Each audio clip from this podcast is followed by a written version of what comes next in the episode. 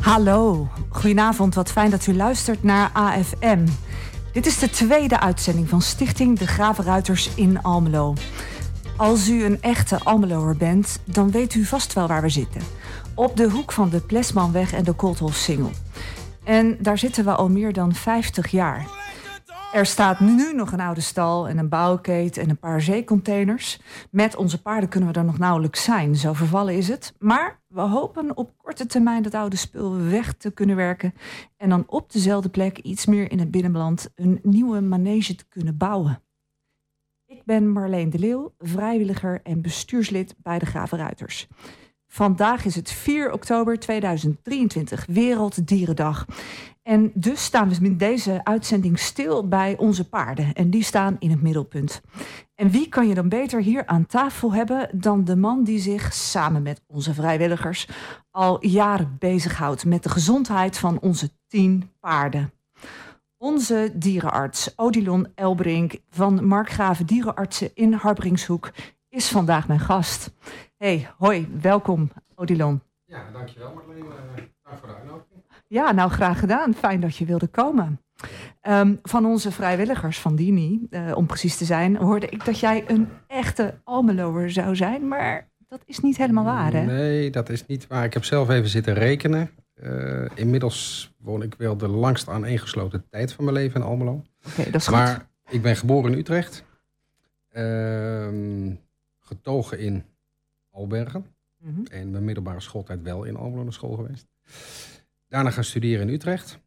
En uh, na een kleine omzwerving in Brabant toch weer teruggaan naar Twente. En uh, ja, ik woon hier al een uh, aardig wat jaartjes met veel plezier. Ja, nou goed om je terug te hebben dan. hey, en, en gestudeerd aan de Universiteit van Utrecht neem ik aan. Ja. Diergeneeskunde ja. faculteit zit daar wereldberoemd volgens wereldberoemd. mij. Hè? Ja, ja, zeker. Dat doen wij goed in, in Nederland, dat, dat stuk. Ja, het is wel een hoog aangeschreven universiteit. Ja. Zeker, zeker. Dan moet ik, moet ik meteen denken aan zo'n serie Dr. Pol, weet je. Volgens mij heeft hij 100 jaar geleden ook op de universiteit van Ja, zeker. Ja, in zijn tijd. Maar goed, dat is zo'n diehard. Ik weet niet of ik dat zo lang volhoud. Maar nee? Nee, het is nee. wel bijzonder. Nee, oké. Okay. Hey, um, kun je vertellen hoe je er bent toe, toe, bent gekomen om dierenarts te worden? Uh, ja, dat kan ik. Uh, allereerst, ik kwam uit een dierenartsennest.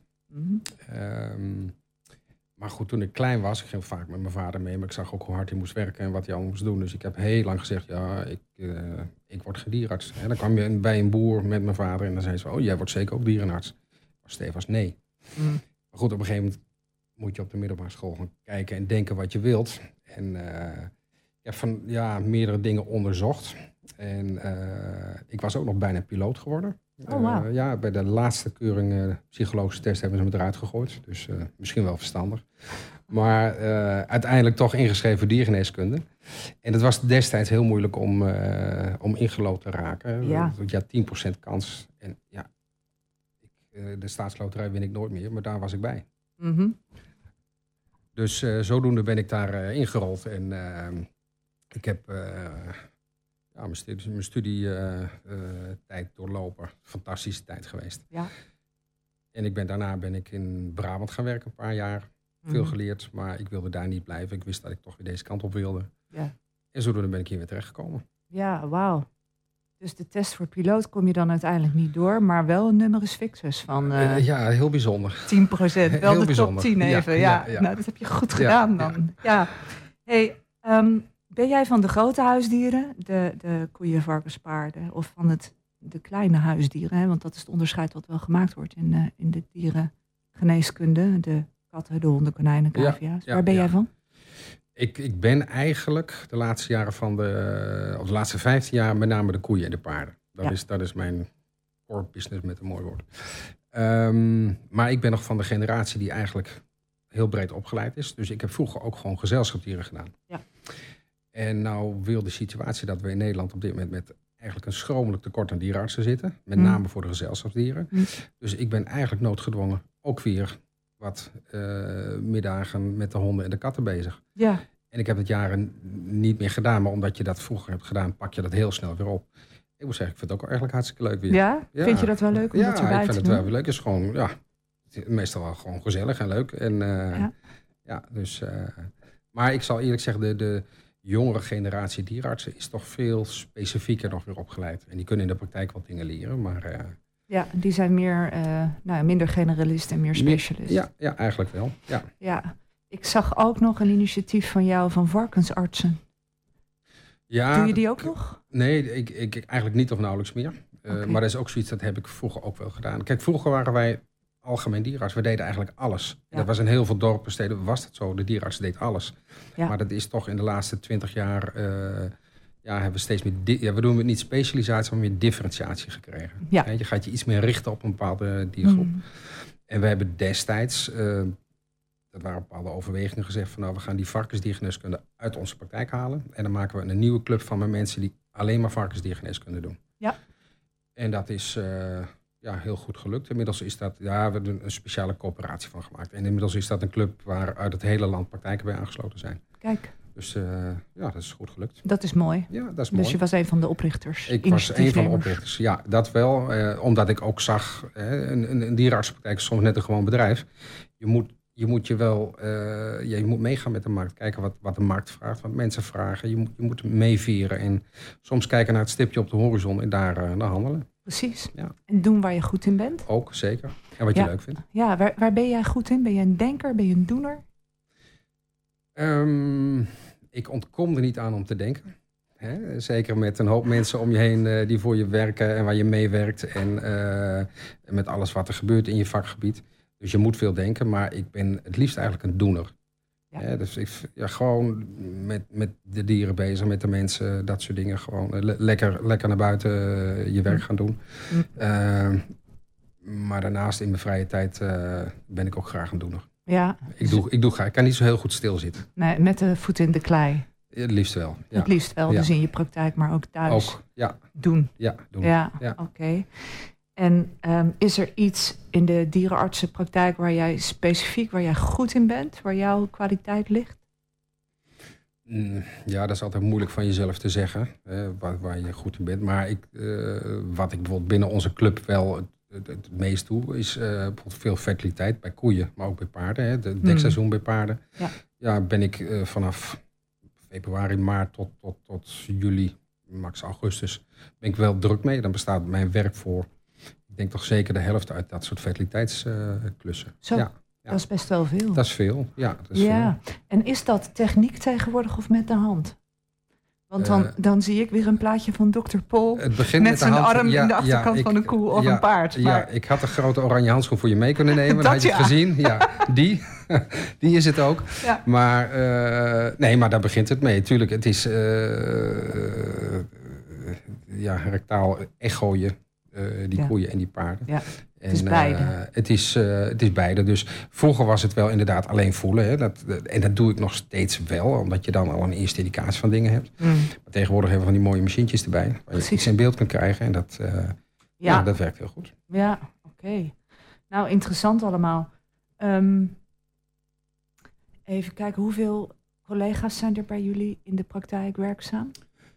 Eh, moet ik even uit mijn hoofd gauw turven. Ik denk, zal vast iemand vergeten, maar ik, we zitten ongeveer met 9 à 10 FTE's aan dierenartsen. Zo, Eh, maar die zijn dus wel verspreid over de verschillende diersoortgroepen. ja.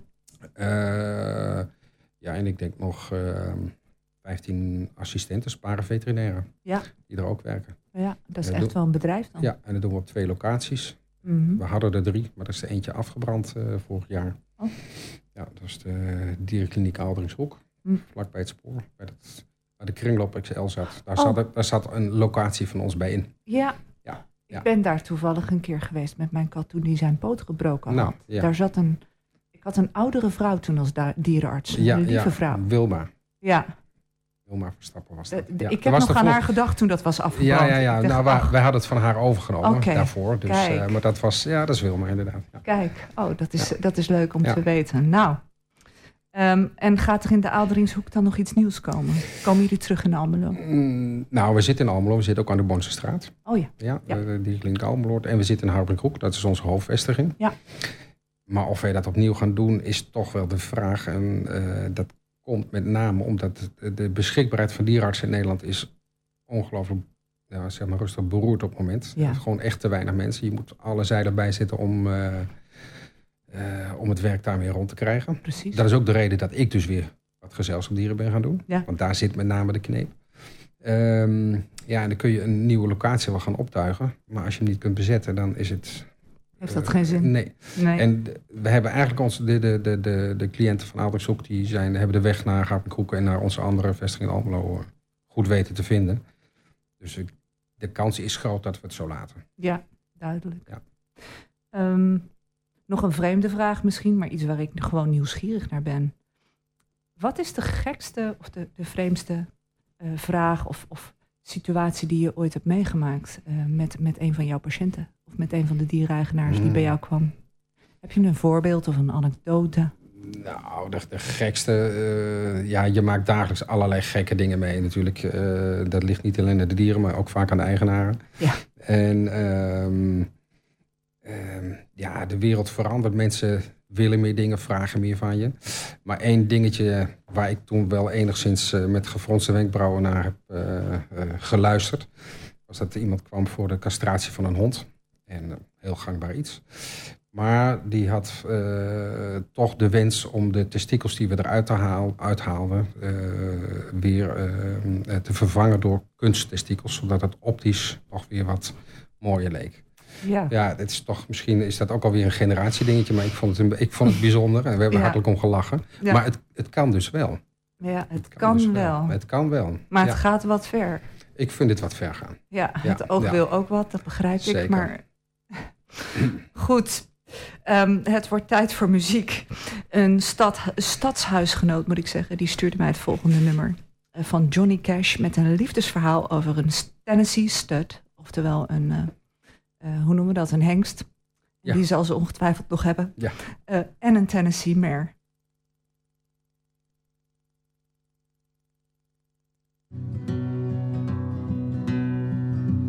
Back about 18 and 25, I left Tennessee very much alive. I never would have made it through the Arkansas mud if I hadn't been riding on a Tennessee stud. Had some trouble with my sweetheart's paw. One of her brothers was a bad outlaw. I wrote a letter to my Uncle Fudd, and I rode away on a Tennessee stud. The Tennessee stud was long and lean, the color of the sun, and his eyes were green. He had the nerve and he had the blood, there never was a horse like the Tennessee stud. Drifted on down into no man's land across the river called the Rio Grande. Raced my horse with the Spaniard's foal till I got me a skin full of silver and gold. Me and the gambler, we couldn't agree. We got in a fight over Tennessee. I pulled our guns and he fell with a thud, and I rode away on the Tennessee stud.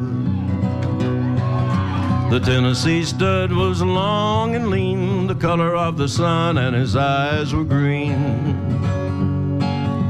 He had the nerve and he had the blood. There never was a horse like the Tennessee stud. I rode right back across Arkansas. I whipped her brother and I whipped her paw. I found that girl with the golden hair. She was riding on a Tennessee mare.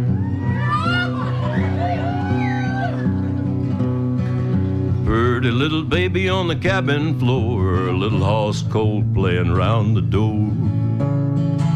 I love the girl with the golden hair, and the Tennessee stud loves the Tennessee mare. The Tennessee stud was long and lean, the color of the sun, and his eyes were green. He had the nerve and he had the blood. There never was a horse like the Tennessee stud.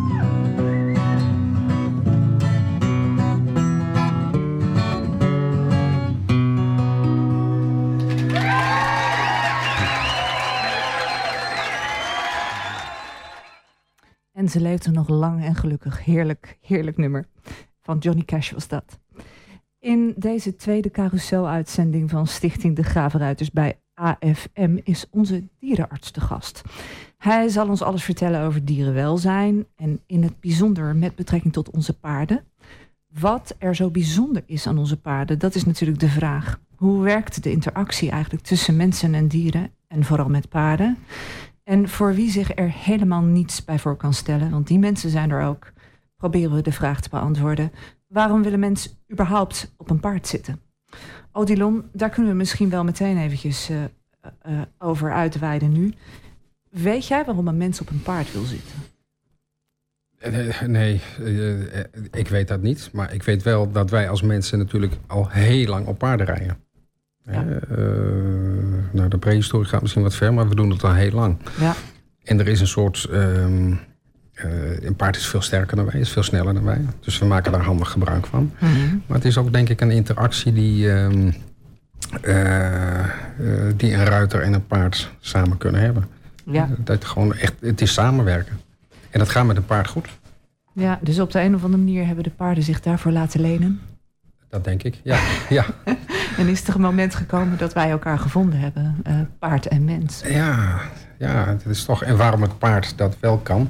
Uh, kijk, een zebra is heel moeilijk te temmen, weten ja. we. Maar een paard gaat het wel weer goed. Ja. Um, dus ja, dat, het, het, is, het is iets wat wij denk ik als mensen altijd al hebben gedaan. En dat blijft, dat blijft trekken. Ja, precies, dat blijft trekken. Ja. En dat zit op een gegeven moment misschien ook wel ingebakken. Dat bij ons en bij hen. Ja, ja. ja. Um, heb jij, rijd jij zelf paard? Nee, nu niet meer. Nu niet meer. En uh, uh, vroeger als, ja, ik denk op 14e heb ik het wel gedaan. Ponies. Ja.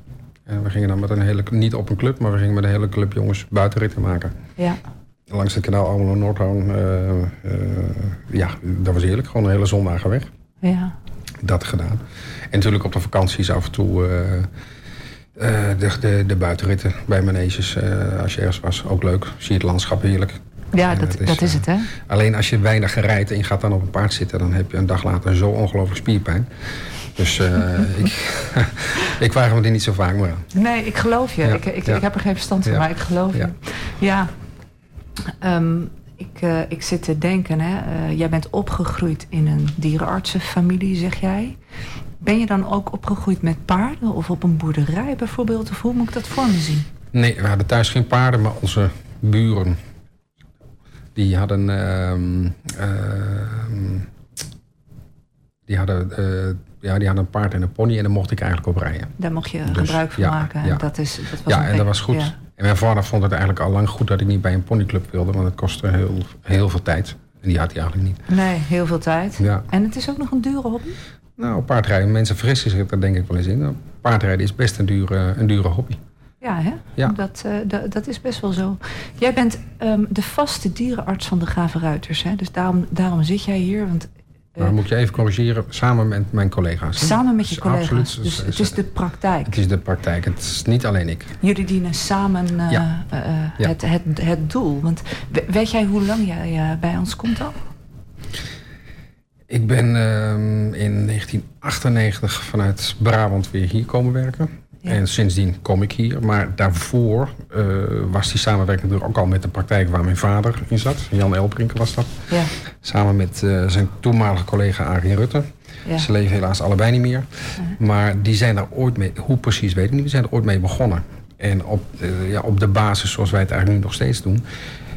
En het is eigenlijk wel leuk dat dat met verandering van mensen en gezichten uh, toch zo is blijven bestaan. Toch doorgaat, ja. hè? Ja, ja, want dat, dat merk je dus ook aan onze stichting.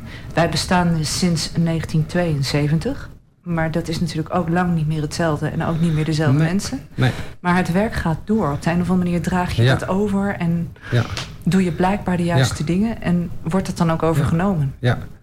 Ja, dat denk ik wel. En 72 is een grappig jaar, want toen zijn toen is mijn vader in Alberg begonnen in de praktijk. Kijk. Toen dus... Uh, dus dat, dat zou nog wel eens nou, gelijk op dat zou kunnen gelijk zijn op kunnen zijn gegaan. Ja. Zijn gegaan, ja. wat leuk. Dus naarmate wij ons gingen ontwikkelen... kwam hij misschien een keer en hij is gebleven. Ja. ja. Nu in jouw persoon, in jouw collega's. Een beetje wel, ja. Ja, wat leuk. Hoe vaak, kom, hoe vaak kom je er bij ons? Ja, op, op afroep wanneer er gebeld wordt, dan komen we. En het kan soms een maand zijn dat je weinig komt. en soms wel vier keer in een maand of vijf keer. Dat, hangt, mm. dat hangt er een beetje van af. Ja, dus, afhankelijk van wat er aan de hand is. Ja, ja, wat er moet gebeuren. Maar goed, er lopen daar nu ook uh, wat kleindieren, geiten en dat soort dingen. Ja. En dat was vroeger niet zo, dus, dus daar komen we ook nog eens voor. Dus, daar kom je ook voor? Oké, ja, dus, dus voor onze, onze geiten, wat mini-schaapjes, wat, uh, ja. dat is wel leuk. De dieren van Avelijn zijn dat. ja, van Avelijn. En ik hoor was af en toe dat een groot feest is om die geiten te vangen, want die ontsnappen altijd. Maar ja. Uh, dat is, ja, daar hoor ik de verhalen wel van. ja, ja. Af en toe hebben we dat, ja. we, we, we, we, proberen dat netjes te houden en daar wordt binnenkort weer een poging voor gedaan trouwens. We krijgen weer wat vrijwilligers die dat weer recht gaan oh, trekken. Ja. Hopelijk weer wat, wat, wat nou, wat, wat geitenproef gaan maken. Ook. Ja, heel verstandig. Ja, we gaan we zien. Ehm, ik heb ook begrepen dat jij veel voor ons doet, of dat jullie veel voor ons doen, wat wij niet terugzien op onze factuur. Dus jij stuurt een factuur, maar daarin staat lang niet op wat jullie allemaal hebben gedaan. Um, daar zijn we super dankbaar voor. Maar kun je vertellen wat, wat je motivatie daarvoor is? Nou, de motivatie is eigenlijk dat je, dat je als bedrijf en bij ons als, als uh, toch, je wilt soms ook wat maatschappelijks doen. En uh, een, een uh, rijvereniging als de Gravenruiters ehm, is zo'n doel waar je gewoon wat voor kunt doen. En je, je kunt dingen sponsoren, geldelijk, dat soort zaken. Maar bij ons is dat is niet, om, uh, niet door mij bedacht, maar is al door de, de collega's vroeger bedacht. Um, nou, we doen het zo dat uh, alle handelingen die waar we voorkomen, uh, dat wordt gewoon niet berekend. Mm. Er worden alleen, als er een keer medicatie nodig is, dat wordt dan wel, dat wordt wel berekend. Ja. maar eigenlijk alle handelingen doen we niet. Dat is eigenlijk een soort doorlopende sponsoring die wij daar al, nou ja, tientallen jaren aan geven. tientallen jaren, ja, ja. Nou, daar zijn we erg dankbaar voor. Want, nou ja, daar komen we nog over te spreken. Maar je weet hoe lastig het is om dit soort clubjes in de zwarte cijfers te houden. Hè? En, en, om dit werk voor te kunnen zetten. Ja, is mij bekend. Dat is jou bekend, hebben we het straks nog over. Maar eerst dit. Want het is vandaag Dierendag, Werelddierendag. En in 1930 was het op 4 oktober voor het eerst officieel Dierendag. Maar hoe is dat eigenlijk ontstaan, vroeg ik mij af. Ik heb erop gegoogeld en dit is het verhaal. Het initiatief komt van dierenbeschermers. Die vonden het in 1929 hoog tijd dat er een speciale dag kwam om bij stil te staan uh, bij dierenwelzijn. En ze hebben toen de sterfdag van Franciscus van Assisi uitgeroepen tot Dierendag. Hij overleed bijna 800 jaar geleden op 4 oktober 1226. In de katholieke kerk herdenkt men tot op de dag van vandaag het overlijden van Sint Franciscus. Deze heilige had een groot hart. Hij bekommerde zich om het lot van armen en van de zwervers, maar ook van planten en dieren. En het bijzondere is dat hij volgens de legende kon praten met dieren. Odilon, kan jij praten met dieren? Uh, ik kan wel praten, maar ze zeggen meestal niks terug. Nee. Dus, nou, praten met dieren, ja, dat is ook breed uit te leggen. Ik, ik, heb, wel, ik heb wel gevoel met dieren. En ik, ik, ik heb wel het idee dat ik ze aanvoel. Hè? Of er nou wat stress is, of dat ze relaxed zijn. En je hebt uiteindelijk je hebt, je hebt bepaalde dingetjes die je doet om ze relaxed te maken. Uh, ja. Dus in dat opzicht valt dat onder praten. Ja, dan kan praten. Maar... Ja, jij hebt daar je, je manieren gevonden om in contact met ze te zijn. En te zorgen dat ze, dat ze zich prettig voelen in jouw nabijheid, om het maar zo te zeggen. Ja. Um, nou, dan is dit natuurlijk een, een katholieke heilige. Misschien helpt dat. Ben jij katholiek van oorsprong? Uh, ja, van oorsprong katholiek, maar zoals de, de, de meerderheid niet praktiserend. Nee. Dus, dus nou, dat, dat is het dan ook niet. Nou ja, dan is de vraag of je een heilige bent. Misschien helpt Absoluut, daar hoeven we niet verder over te praten. Dat lijkt me duidelijk. nou ja, even, even semi-serieus. Want, want ze zeggen dat, uh, dat als je, als je als je God zou willen zien, dat je dat ziet in de natuur, dat je dat kunt zien in dieren, in de schepping. Heb jij daar iets mee? Zie je dat? Nou ja, niet dagelijks, maar je, als je kijkt om je heen en je ziet uh, hoe onze wereld is opgebouwd, hoe alles samenhangt en, en, en wat voor bijzondere eigenschappen planten, maar ook dieren hebben ontwikkeld. Ja, dan is dat wel, dat is wel een wonder op zich. Hoe, hoe, ja, of iemand dat ooit heeft bedacht, of dat de natuur zelf zo slim is geweest, dat weet ik niet. Maar uh, dat is wel dat is echt een wonder. Ja, we waren er niet bij, maar dat het, dat het magnifiek is, is duidelijk. Dat is heel, ja, ja dat. is heel magnifiek. Ja. ja, dat. Nou, mensen die met dieren praten, of pratende dieren, dat is natuurlijk sinds jaar en dag een thema dat tot de verbeelding spreekt. En daar zijn heel wat films en series over waarin dieren centraal staan. Mijn ouders die kwamen met een voor mij onbekende serie, eh, van ver voor mijn tijd, denk ik. Maar voor wie luistert is de volgende tune misschien wel pure nostalgie. Hello, I'm Mr. Ed. A horse is a horse, of course, of course, and no one can talk to a horse, of course. That is, of course, unless the horse is the famous Mr. Ed. Go right to the source and ask the horse. He'll give you the answer that you endorse. He's always on a steady course. Talk to Mr. Ed.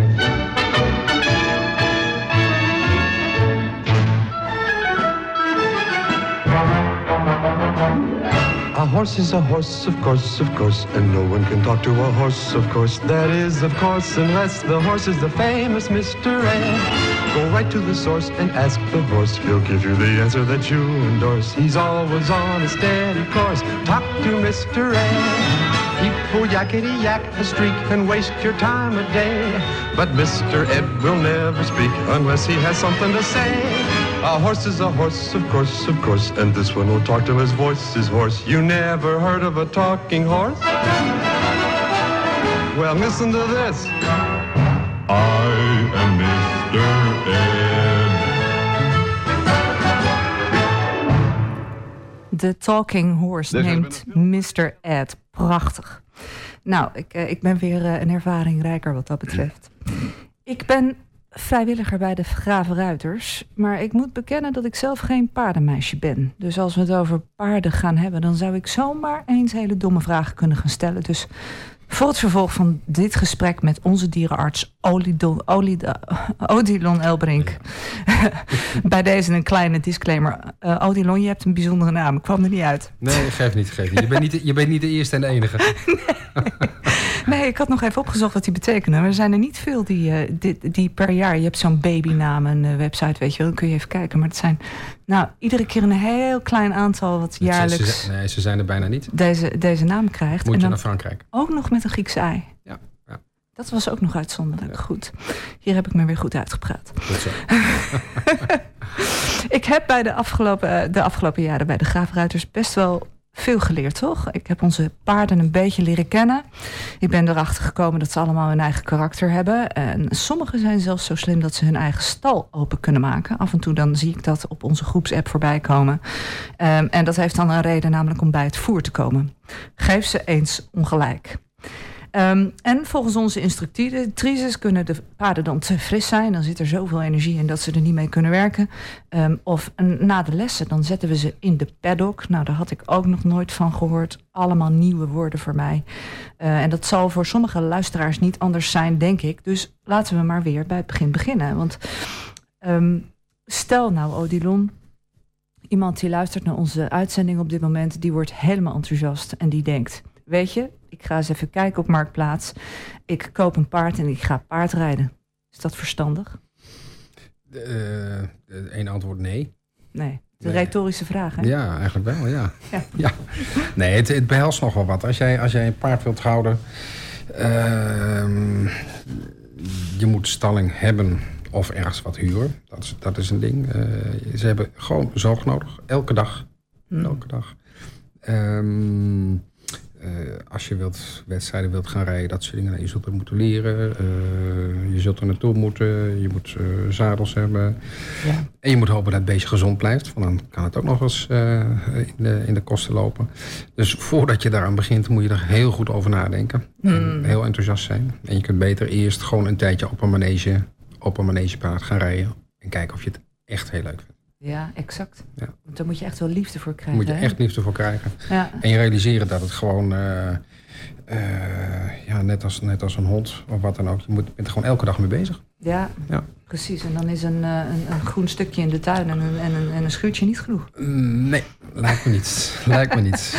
Nee. Um, onze eh, paarden, en dat is dan nog weer wat anders dan als je één persoon bent met één paard, maar onze paarden leven in een kudde. Hoe belangrijk is dat dat paarden in een kudde leven?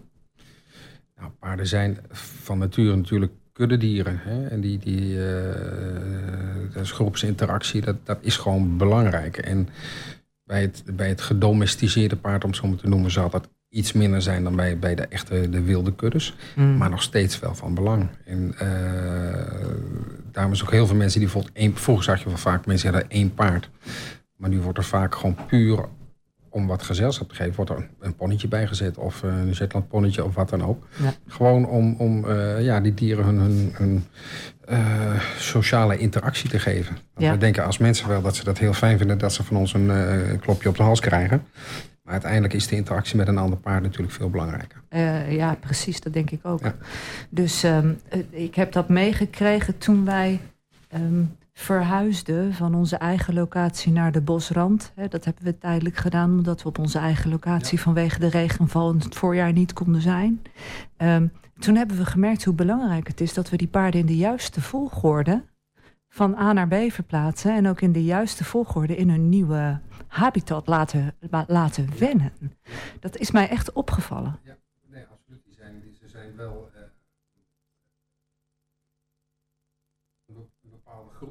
zijn ze heel erg uh, gewend. Mm. En die moet je handhaven. Ja, dat is zo, hè. Um, ik zit te, te, denken, als je kijkt naar de interactie tussen mensen en paarden. Um, ik, ik, zoek daar toch een beetje naar. Die is heel bijzonder, hè. Daar, daar, daar, um, wij hebben vrijwilligers die daar, die daar zo trouw al jaren mee bezig zijn. En die echt die paden van haven tot God kennen. En al hun karakters en wie ze zijn. Ja. En, kun je daar iets over zeggen? Nou, een, een, een, een paard en een eigenaar, ruiter, verzorger... Uh, die gaan toch ook een band ontwikkelen met elkaar. Ja. En, en uh, ik merk als dierarts ook wel... sommige paarden vinden het niet fijn als de dierarts in de buurt komt. Nee. Maar is dan de verzorger of de eigenaar in de buurt... die kan al wel vaak... Uh, ja, was ook dat er een bepaalde kalmte komt... of, of dat vertrouwen is er dan. En dat is gewoon... Dat is belangrijk. Ja, dat is belangrijk. dat dat, dat, dat, groeit en, en dat dat nou ja, goed werkt. Um, specifiek met betrekking tot mensen met een beperking. Hè, want dat is waar wij onze paarden voor inzetten. Um, we hebben daar prachtige verhalen over. Wat een, wat een verschil dat maakt voor onze, voor onze doelgroep. Um, kan jij iets zeggen over de interactie tussen, tussen mensen en paarden... en dan specifiek met betrekking tot mensen met beperkingen? Weet je er iets van? Nou, dit, dit is natuurlijk niet mijn, mijn, mijn, uh, uh, mijn echte ultieme kennisgebied, hoe dat, dat, precies zit. Maar je ziet wel, als je goed kijkt, uh, hoe paarden op een bepaalde manier reageren op een, op een ander soort ruiter, of een ruiter met een beperking. Mm. waar een paard anders nog een keer een narg kan zijn of wat dan ook. dat ze dan toch ik heb het gezien bij paarden, ook op een andere manege, eh, dat ze, dat ze dan toch wel rustig zijn. Ja. Uh, ik heb het idee dat paarden dat zeker. Er zijn natuurlijk er zijn ook intelligentieverschillen bij paarden, net als bij mensen. Mm. En de een voelt dat aan en die, die, die, die kan daarmee omgaan. Of die voelt aan dat hij kalm aan moet doen. Of, uh, ja. dat, dat zijn wel bijzondere dingen als je dat ziet. Ja, het zijn sensitieve beesten, ja, hoor ik dan. Hè? Dat, dat, ze, dat ze um, als het ware de kwetsbaarheid van de ruiter... en dan zeker als die een beperking heeft aanvoelen... en daar dan ook op een bijzondere manier rekening mee houden. Dat, is, dat is wel namelijk iets waar wij als vereniging... een soort van rekening mee houden. Um, natuurlijk, natuurlijk ook als we de paarden selecteren. Heel belangrijk. Heel ja, belangrijk. kun je daar iets over zeggen? Wat, wat, wat is daar. Um, zijn er specifieke paarden, rassen bijvoorbeeld, die daar uh, uh, goed voor zijn? Of... Mm, nou, wat je veel ziet uh, bij dit soort verenigingen, dat je ook dat er veel met, met aflingers, met fjorden, met gewoon wat, wat zwaarder gebouwde paarden mm. wordt gewerkt. Die zijn vaak, vaak karakter ook wat rustiger. Uh, een, een, een, Arabisch volbloed zet je er niet zo gewoon neer. Terwijl het hele intelligente paarden zijn. Uh, maar je moet, er moet een bepaalde rust zijn. En wat ultiem belangrijk is, is de, de, betrouwbaarheid. Je moet ten alle tijden op die beestjes kunnen vertrouwen. Zelfs als er ergens iets gebeurt, er moet een soort rust in blijven. Ja. Want de mensen die erop zitten, ja, die, die worden vaak begeleid. Maar goed, uh, als een paard in één keer een rare sprong maakt... ja, is dat lastig om iemand misschien in het zadel te houden. Mm, ja, Dus precies. betrouwbaarheid is, is eh, boven uiterlijk, boven eh, hoe goed ze lopen of hoe, hoe eh, nou ja, wat ook. Eh, betrouwbaarheid staat ver bovenaan. Staat bovenaan. Ja, Ja, ja. Jij weet daar ook meer van, volgens mij, vanuit jouw eh, nevenfunctie. eh, bij ook een manege voor mensen met beperkingen, hè? Ja, dat is sinds een jaar of negen ben ik, ben ik bestuurslid bij Manege het Roesing in Enschede. Vraag me niet hoe ik daarin ben gerold, maar ik ben erin gerold.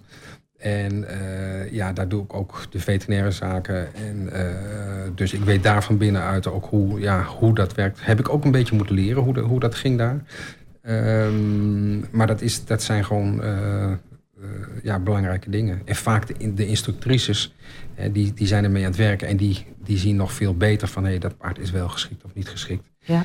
Maar dat is, eh, ja, het werkt daar eigenlijk op, ja, op dezelfde manier. Dat is dezelfde manier als bij de Gave Op Ruiters. dezelfde manier. En Ja. daar weten we ook dat het gewoon best moeilijk is... om de juiste paarden te, te vinden. We hebben vaak beestjes geprobeerd.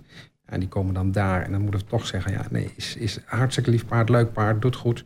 maar is niet geschikt voor deze Nee. Toch niet? Ja. En dan ligt de lat toch hoog. Die ligt in dat opzicht wel hoog, ja. Ja, eh, ja en dan, dan denk je eerder aan de, aan de mega dure sportpaarden of zo... waarvoor de lat hoog ligt. Maar, Eh, ja, nou, dit ligt eh, ook heel hoog, maar op een iets ander financieel niveau weliswaar. Maar het is, Ja. nee, er zijn absoluut wel wat, ja, dat zijn kwaliteitskenmerken van een paard die wij kunnen gebruiken. ja, exact. Ehm, en dan vraag ik me af, en dat is dan misschien weer meer jouw tak van sport... brengt dat ook speciale uitdagingen met zich mee voor het paard? Bijvoorbeeld in medische zin of in termen van belasting en belastbaarheid? Ja. Kun je daar iets over zeggen? Ehm, nou, kijk, de, de, de, een, een ruiter die actief op een paard zit, belast een paard heel anders dan eh, een, een ruiter die, dat, die minder bewegelijk op een paard zit. Ja. Ehm, als je dan ook nog een keer een ruiter hebt eh, met een beperking die toevallig fysiek eh, wat zwaarder gebouwd is, Hmm. is dat voor sommige paarden wel een belasting. Dus je moet wel ook de juiste paarden bij de juiste ruiters kunnen, kunnen vinden. Ja, En eh, op zich, de, de belasting is niet zo hoog. Omdat het is niet als een springpaard hè, die, die daardoor zwaar belast worden. Maar het is wel door een, een, een, iemand die erop rijdt en minder makkelijk meegeeft. Hmm. eh, is dat voor een paard, kan het in zijn rug of wat dan ook, kan het best wel een, een belasting zijn. Dus daar moet je wel goed naar kijken. ja. En het juiste paard ook weer bij de juiste ruiter weten te, te, te vinden. Exact. Ik kan me voorstellen dat we ook gedragsmatig wat van die paarden verwachten. Hè? Dat ze geconcentreerd zijn, dat ze luisteren naar degene die ernaast loopt. Ja. Rustig zijn. Zeg ik dan iets geks als ik zeg van... nou, misschien moeten we ze dan af en toe ook even een, eh, een, het dolle uurtje gunnen? Ja, dat mag zeker. Ja, Zeker, ja, maar dat ook. Kijk, als je, als, eh, je ziet het af en toe ook wel, ik weet niet hoe het hier gaat, maar als ze de, de op stal hebben staan en ze gaan eh, op een, een rustdag of wat dan ook, of s'avonds gaan de wei in, Hm. nou, dan gaan ze wel los even. ja dan gaan ze wel ja, eh, ja, prima. Ja. rollen inderdaad. We hebben nu bij de bosrand een grote, grote bak. Ja, dat zal ook een paddock heten. Ja, een paddock, ja. ja. Waar ze dan met z'n allen in mogen lopen. En eh, ja, dan, eh, dan, eh, dat gaat meteen rollen. Zeker Ja. als er water ligt. En dan zijn ze hartstikke goor. ja heerlijk. Maar dat gunnen we ze dan, ja. Ja. Wij hebben recentelijk, met betrekking tot hè, het, het dieren waar we het net over hadden... van ja, hoe belast je zo'n paard... het, het gewicht van onze ruiters bijgesteld naar maximaal 80 kilo. Nou, dat wil zeggen dat ik er net op mag, zo'n beetje. Ehm, hè, dus zo'n zo'n levend dier, eh, ja, daar moet je altijd alert op zijn... Hè, van hoe het ermee gaat. Heb jij in dat kader nog tips voor ons? Ja, ik, ik vind een, een, een- een, getal van 80 kilo vind ik een statisch, statisch gegeven. Want als ik die persoon van 80 kilo op een eh fjord zet, praat ik over iets anders dan wanneer ik op een, een, een, een KWPN van 1,65 meter zet. Ja. Ik praat dus over hele andere dingen. Dus je moet kijken naar paard. Wat kan het paard aan? En, wat, en, en hoe is de ruiter? En. Wat, wat zei je nou? Een KWPN'er? KWPN, ja, dat is een ras. Beke- ja, ja, ja. Beke- bekendste Nederlandse stamboek. Ja, joh. eh, Go- Google. Google. ik kom je ik Google. Oké, Ja. ga door. Ehm, maar dat maakt dus uit. Dus kijk, dus een, een gewicht van 80 kilo, hè, dat zet wel een rem op eh, ja, de, de, de veel te zware cliënten. Hè. Want dat is wel een dingetje. Mm, Ehm, maar als je een, een, eh, een echt groot het aan kan, ja, Ja. Why not? Why not? Ik heb ooit zelf, ik ben zelf ook iets meer dan 80 kilo. Hmm. en ehm, daar, wij gingen, ik weet nog dat wij een keer in Italië ook gingen rijden. En dat ik tegen mijn partner zei van ja, ik wil wel mee, maar ik wil wel een fatsoenlijk groot paard. Ja. En uh, maar toen kwamen we bij die manege gingen rijden en daar stonden allemaal van die, ja, wel Italiaans gefokte, maar meer quarter horses-achtig uh, dier. Ja, dikke kont, heel wendbaar, supersterk. Ik zei die, maar ja, beestje is mij te klein. Nou, ja. zegt hij, ga maar zitten, dat is helemaal goed. En uh, nou, ik, ik, we gingen ook wat heuvels door en ik, ik werd er echt, het was net alsof ik vloog. Ja heel sterk. Dus zo'n beest komt dat blijkbaar heel makkelijk aan. Hmm. Uh, want ik heb er specifiek, ik, voor mezelf wil ik dat ook gewoon uh, hebben, dat, dat het goed gaat. Ja, je wil weten dat, het klopt. Dat het klopt. En uh, nou, ik ben op zijn expertise afgegaan. Hmm. Um, maar dat geldt hier denk ik ook. Hè. Nogmaals, 80 kilo. Heel goed, dat er, in ieder geval heel goed dat er over na wordt gedacht. Ja. dat is zo. Maar het hangt een beetje af van wat, wat jij aan paardenbestand kunt bieden. En, en wat voor welke mensen geschikt is.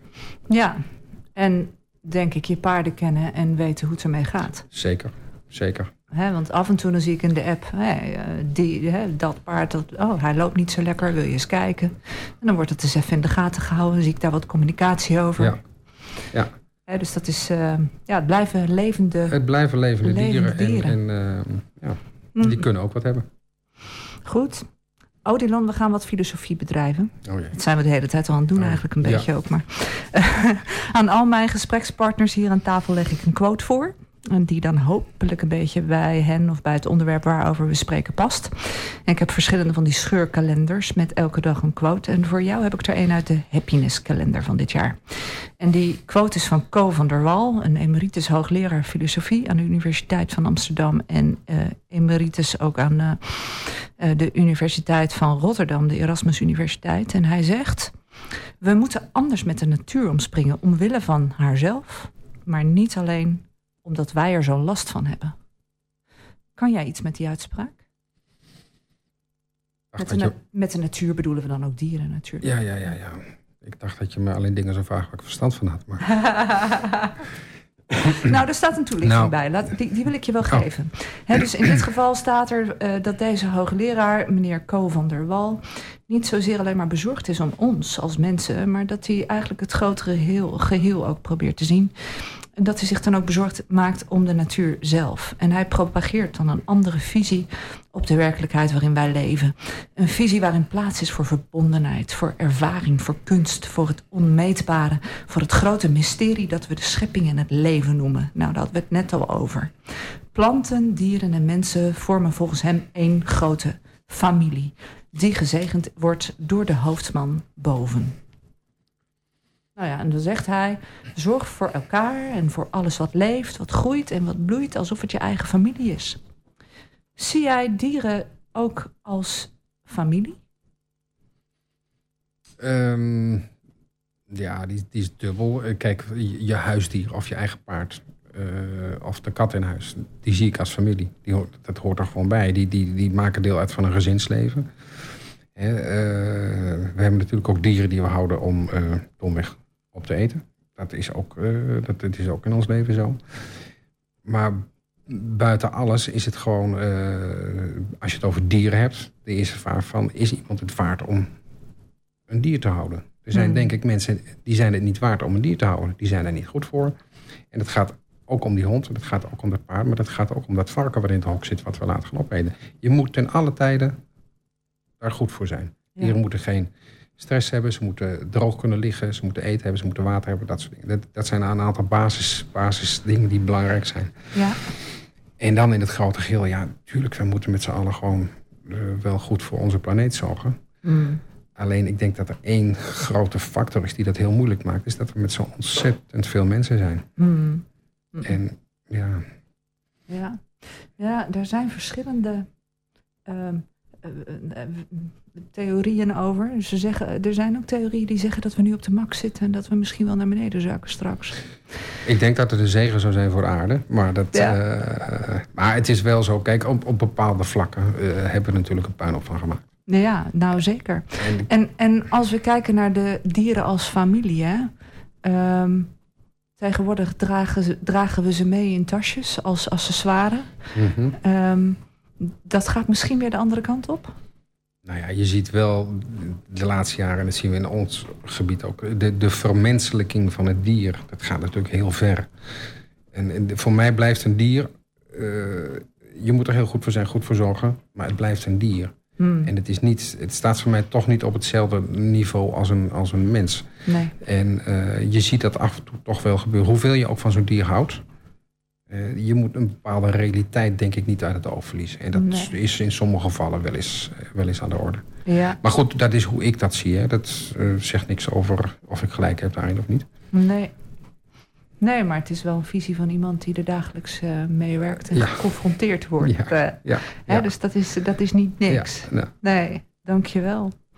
Um, ja, onze paarden, uh, die horen wel bij de Gravenruitersfamilie in elk geval. Hè? Dat, Zeker. Dat is, dat is wel hoe we dat voelen. En, en hoe dat op de manege ook echt de dag, dagelijkse werkelijkheid uh, is. Um, nou, ik denk dat ik daar uh, genoeg over heb gevraagd. Het wordt zo'n beetje tijd voor muziek. Um, afgelopen maandagavond vroeg ik op mijn sportclubje of iemand een leuk nummer wist uh, om te draaien op Dierendag. En ze riepen meteen: Who Let the Dogs Out? Who let the dogs out? Who, let the dogs out? Who, let the dogs out? Who, let the dogs out? Well, the party was nice, the party was pumping. Hey, yeah. And everybody having a ball.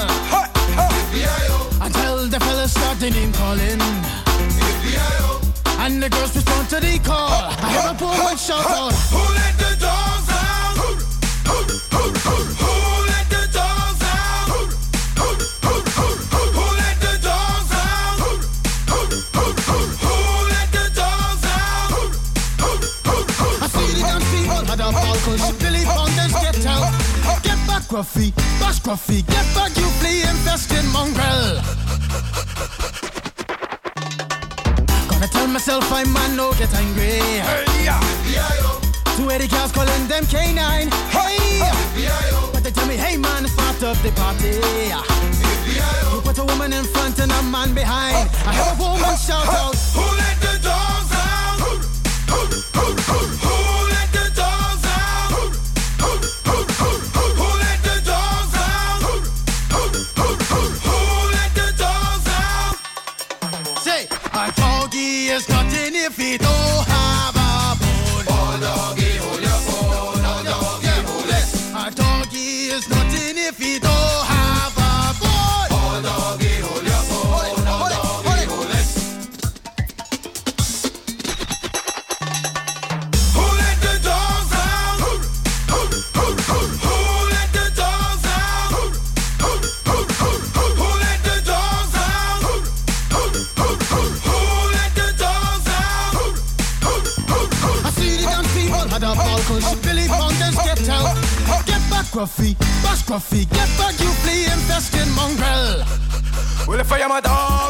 Party is on. I gotta get my groove on, got my mind, I'm gone. Do you see the rays coming from my eye? Walking through the prison, Digimon is breaking them down. Me and my white talk, short, dealing, gassy color. Any caliber do, I think I knew that's why they call me Pitbull. Cause I'm the man of the land, with it to me to do. Who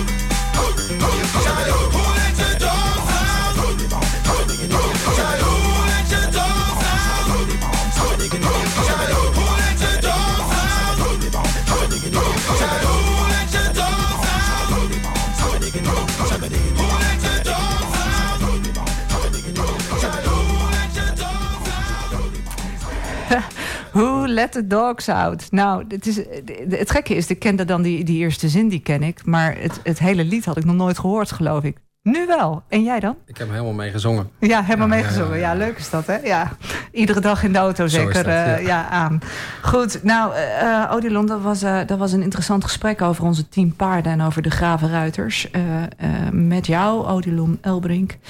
Um, wij gaan als gravenruiters uh, hopelijk op korte termijn nieuw bouwen. Hè? Dat is onze, onze grote droom. En um, nou, de locatie, iedereen die hem kent, die weet dat dat niet echt overbodige luxe is. Heb jij daar nog uh, ideeën over voor ons? Um, nou ja, de, de, plannen zijn goed, want natuurlijk de, de oude locatie, dat was gewoon op en over. Dus het zou heel fijn zijn als het echt van de grond komt als het gaat gebeuren. En dan mm. kun je met iets fris beginnen, met iets nieuws. Uh, een fatsoenlijke uh, bak uh, en ook nog uitloop voor de paarden. Stallen kun je goed up-to-date maken met zo inrichten dat de paarden ook, wat ik net al zei, die interactie met elkaar hebben. Ja. Met, dus misschien niet met helemaal dichte wanden tussen de stallen, maar gewoon wel een, eh, een opening dat ze elkaar kunnen zien. Mm. Uh, je kunt zorgen dat de ventilatie, dat is heel belangrijk. Paarden hebben nog eens luchtwegproblemen. Doordat ze in een niet goede stal staan of te stoffig of wat dan ook. Met goede mm. ventilatie kun je daar ook uh, wat aan doen. Hè, de gezondheid van die paarden beter houden. Mm. En dat zijn dingen in zo'n nieuwbouwplan waar je gewoon over na kan denken. Je kunt vanaf, vanaf nul kun je dat gaan bedenken hoe je dat wil doen. Ja, Volgens mij is dat gebeurd. Als ik kijk naar, de, naar de plannen zoals ik ze ken, is het inderdaad de bedoeling dat er ook een soort van uitloop komt waar ze uh, nou ja, zelf ook de keuze hebben om binnen of buiten te staan en met elkaar in interactie zijn. Dus niet de hele tijd uh, afgezonderd staan. Dus dat dat kuddegevoel waar we het eerder over hadden steeds meer uh, uit de verf komt. Ja, dat is best belangrijk, denk ik. Ja, leuk. Um, Odilon, stel dat mensen nu denken van hé, hey, dat was wel een goed verhaal. Die man die heeft er verstand van. Um, en ik wil hem misschien wel als dierenarts uh, voor mijn paard of hond of geit. Kan dat? Ja, dat kan altijd. Mensen kunnen altijd hun eigen dierenarts kiezen. Als je tenminste tijd en ruimte heeft voor uh, dingen.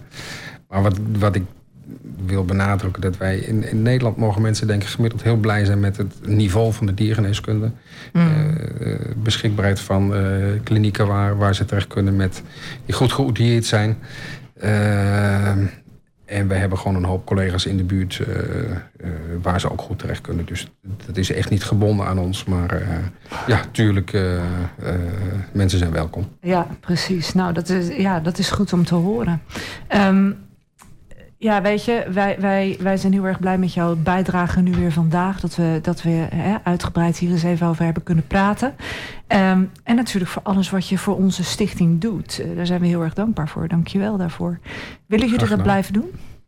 Eh, ja, dat kan ik wel uitspreken dat wij dat echt wel blijven doen. Op deze nou. Nee, dat doen wij met veel plezier. En uh, ja, het is gewoon leuk. Omdat je ook ziet dat het wat van effect het heeft en waar je het voor doet. Dus ja, ja. nee, dat gaan we zeker doen. Ja, dankjewel. Ja, ja we hebben inderdaad, dat is de toegevoegde waarde van ons werk. Nou ja, die ken jij ook vanuit de andere kanten. Ja.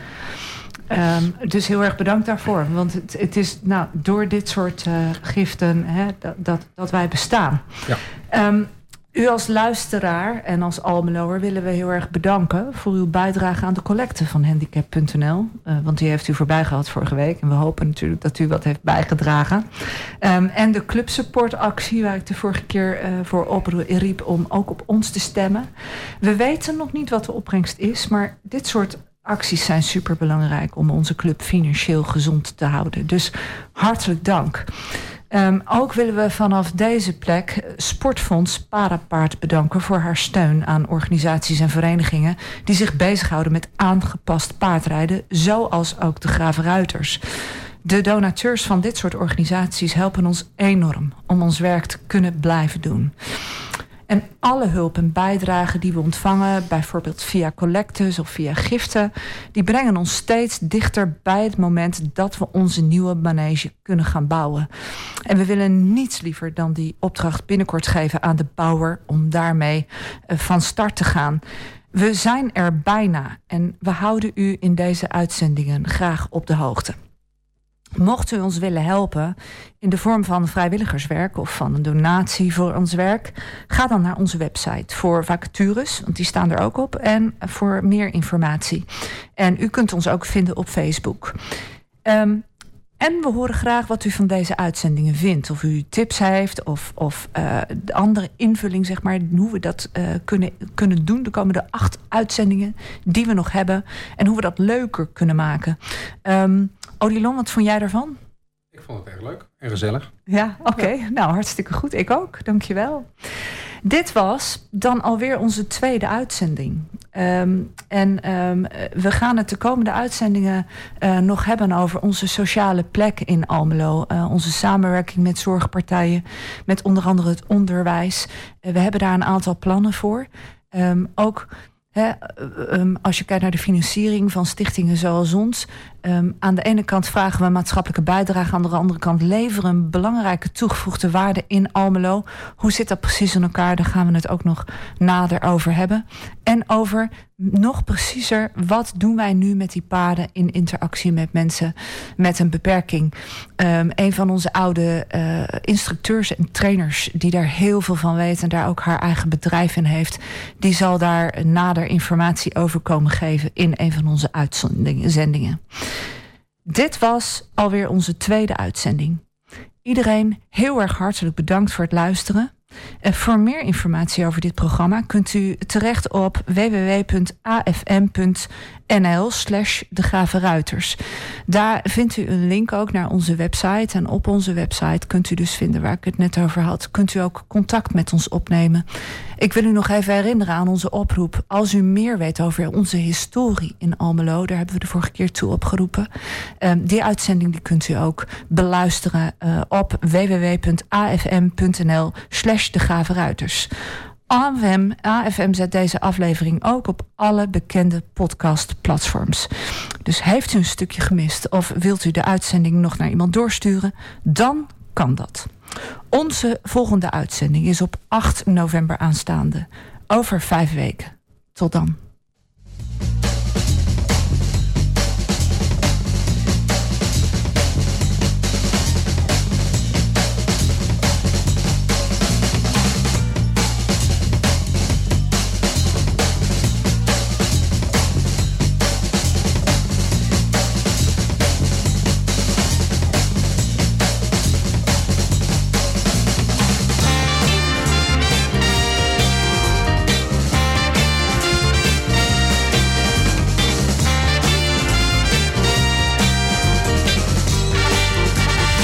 Gravenruiters.